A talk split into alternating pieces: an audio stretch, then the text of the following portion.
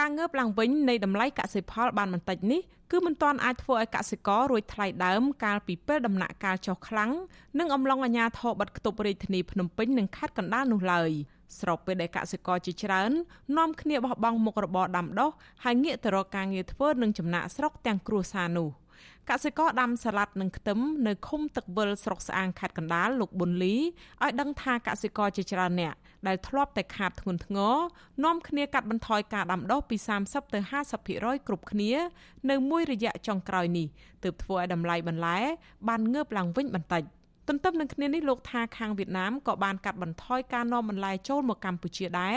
ដោយសារតែវិបត្តិជំងឺ Covid-19 លោកបន្តថាសាឡាត់ដែលធ្លាប់តែចុះថោកហៅមិនលឺឥ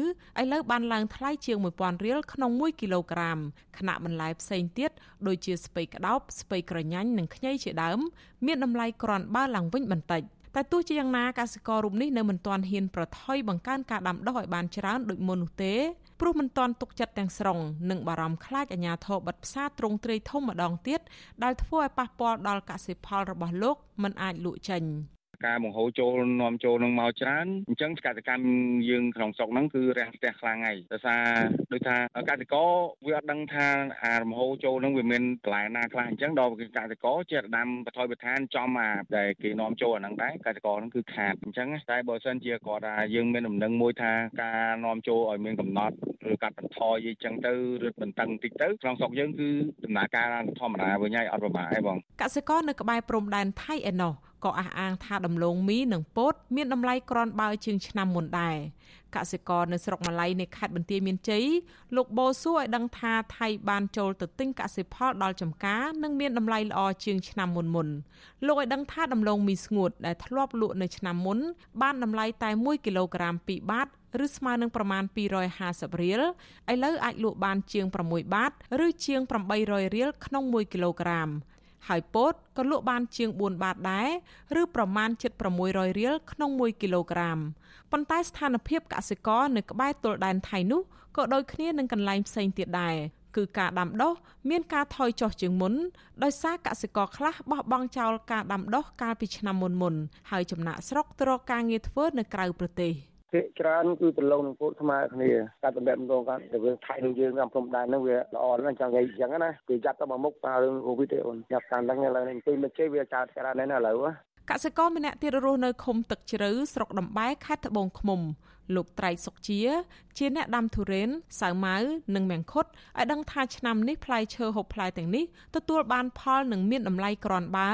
ដោយសារមិនសូវសម្បូរការនាំចូលពីប្រទេសក្បែរខាងដូចឆ្នាំមុនមុនទោះជាយ៉ាងណាលោកសង្កេតឃើញថាក្នុងរដូវប្រមូលផលឆ្នាំនេះមានខ្យល់កន្ត្រាក់ខ្លាំងដែលធ្វើឲ្យទុរេនមិនអាចកាន់ផ្លែបាននិងខូចខាតច្រើន កាលពីពេលនៅក្តាប់និងនៅខ្ចី លោកបន្តថាទោះជាទុរេនលក់បានថ្លៃ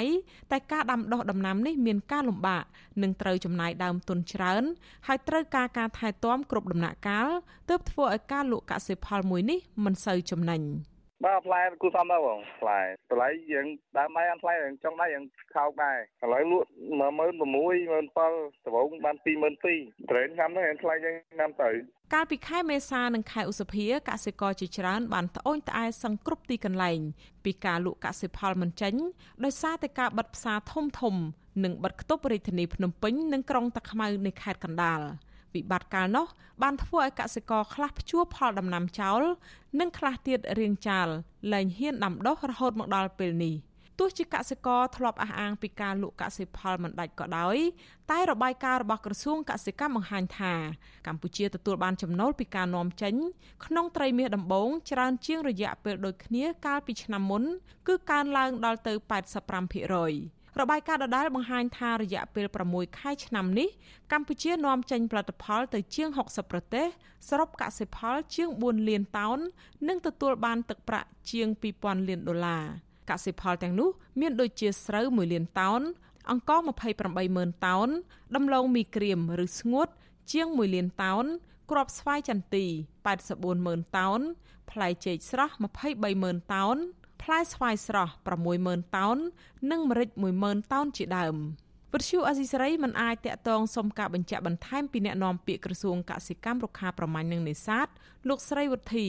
និងអគ្គនាយកនៃអគ្គនាយកដ្ឋានកសិកម្មលោកហ៊ានវ៉ាន់ហនបានទេនៅថ្ងៃទី21ខែកក្កដា ទោះជារបាយការណ៍របស់ក្រសួង បង្ហាញថាការនាំចេញបានច្រើន តែអ្នកជំនាញកសិកម្មសង្កេតឃើញថាកសិករនៅតែប្រឈមបញ្ហាគ្មានទីផ្សារសម្រាប់លក់ចេញ ទាំងនៅក្នុងស្រុកនិងក្រៅស្រុកដដែលខណៈអាជ្ញាធរហាក់មិនសូវអើពើនឹងវិបត្តិនេះសោះប្រធានសមាគមកសិករដើម្បីអភិវឌ្ឍជីវភាព លោកសុំម៉ាណែតឲ្យដឹងថាកសិករដែលធ្លាប់ដាំដុះទ្រង់ទ្រាយធំ បាននាំគ្នាទម្លាក់ដៃងាកមកដាំដុះខ្នាតតូច ឬតាមលក្ខណៈគ្រួសារវិញ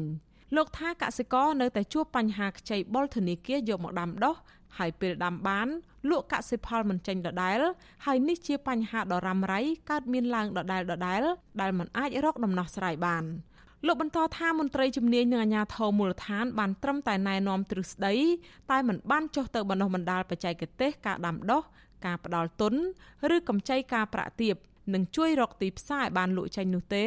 ទើបបញ្ហានេះនៅតែរកផ្លូវចេញមិនរួចលោកយល់ថាកសិករនឹងបោះបង់ចោលមុខរបរដាំដុះស្រែចម្ការហើយលក់ដីចោលរួចនាំគ្នាធ្វើចំណាក់ស្រុកវិញប្រសិនបើមិនអាចដោះស្រាយវិបត្តិនេះបាន។ លោកជំរុញឲ្យអាជ្ញាធរនិងមន្ត្រីជំនាញរកដំណោះស្រាយវិបត្តិគ្មានទីផ្សារទើបអាចលើកទឹកចិត្តឲ្យកសិករងាកមកប្រកបវិស័យកសិកម្មឡើងវិញ។ អាជ្ញាធរមូលដ្ឋានគួរតែធ្វើយ៉ាងម៉េចគឺអាចបែងរោគដូចជាគ្រាប់ពូគ្រាប់អីចឹងលើកទឹកចិត្តគាត់ការដាំដុះឡើងវិញចឹងទៅមានតែ3ជំរើសហ្នឹងដែលអាចធ្វើឲ្យវិជាកសិករដែលគាត់បោះបង់ក្នុងការដាំហ្នឹងឲ្យគាត់ងាកមកដាំឡើងវិញក៏ដូចជាវិជាកសិករដែលគាត់ដាំហើយបានផលហើយគួរតែឲ្យគាត់ព្យាយាមដាំបន្តទៀតដើម្បីឲ្យកសិករក្នុងស្រុកយើងគឺមានការងារធ្វើច្បាស់លាស់ហើយជាវាក្នុងការចំណាក់ស្រុកទៅទៀតកាលពីខែមេសាឆ្នាំ2020ក្នុងពេលដែលជំងឺ Covid-19 ទើបតែផ្ទុះឡើងនៅកម្ពុជា លោកនាយករដ្ឋមន្ត្រីហ៊ុនសែនបានអំពាវនាវឲ្យកម្មករនិងពលករនាំគ្នាបង្កើនការដាំដុះនិងចិញ្ចឹមសត្វពិសេសចិញ្ចឹមត្រីអណ្ដែងដោយលោកសន្យាថាអាជ្ញាធរនឹងជួយផ្គត់ផ្គង់ពូជនិងបច្ចេកទេសតាមក្រោយដើម្បីទប់ទល់ទៅនឹងវិបត្តិគ្មានការងារធ្វើក្នុងស្ថានភាពការឆ្លងរាលដាលជំងឺ Covid-19 ប៉ុន្តែជាង1ឆ្នាំហើយកសិករអះអាងថាមិនទទួលបានការផ្គត់ផ្គង់ដោយការសន្យានោះទេ បន្ថែមពីនោះនៅពេលពលរដ្ឋបង្កើនការដាំដុះបែរជាគ្មានទីផ្សារលក់ចេញហើយថែមទាំងជំពាក់បំណុលធនាគារវ៉ាន់កទៅវិញចា៎នាងខ្ញុំខែសុណងវັດឈូអាស៊ីសេរីរាយការណ៍ពីរដ្ឋធានី Washington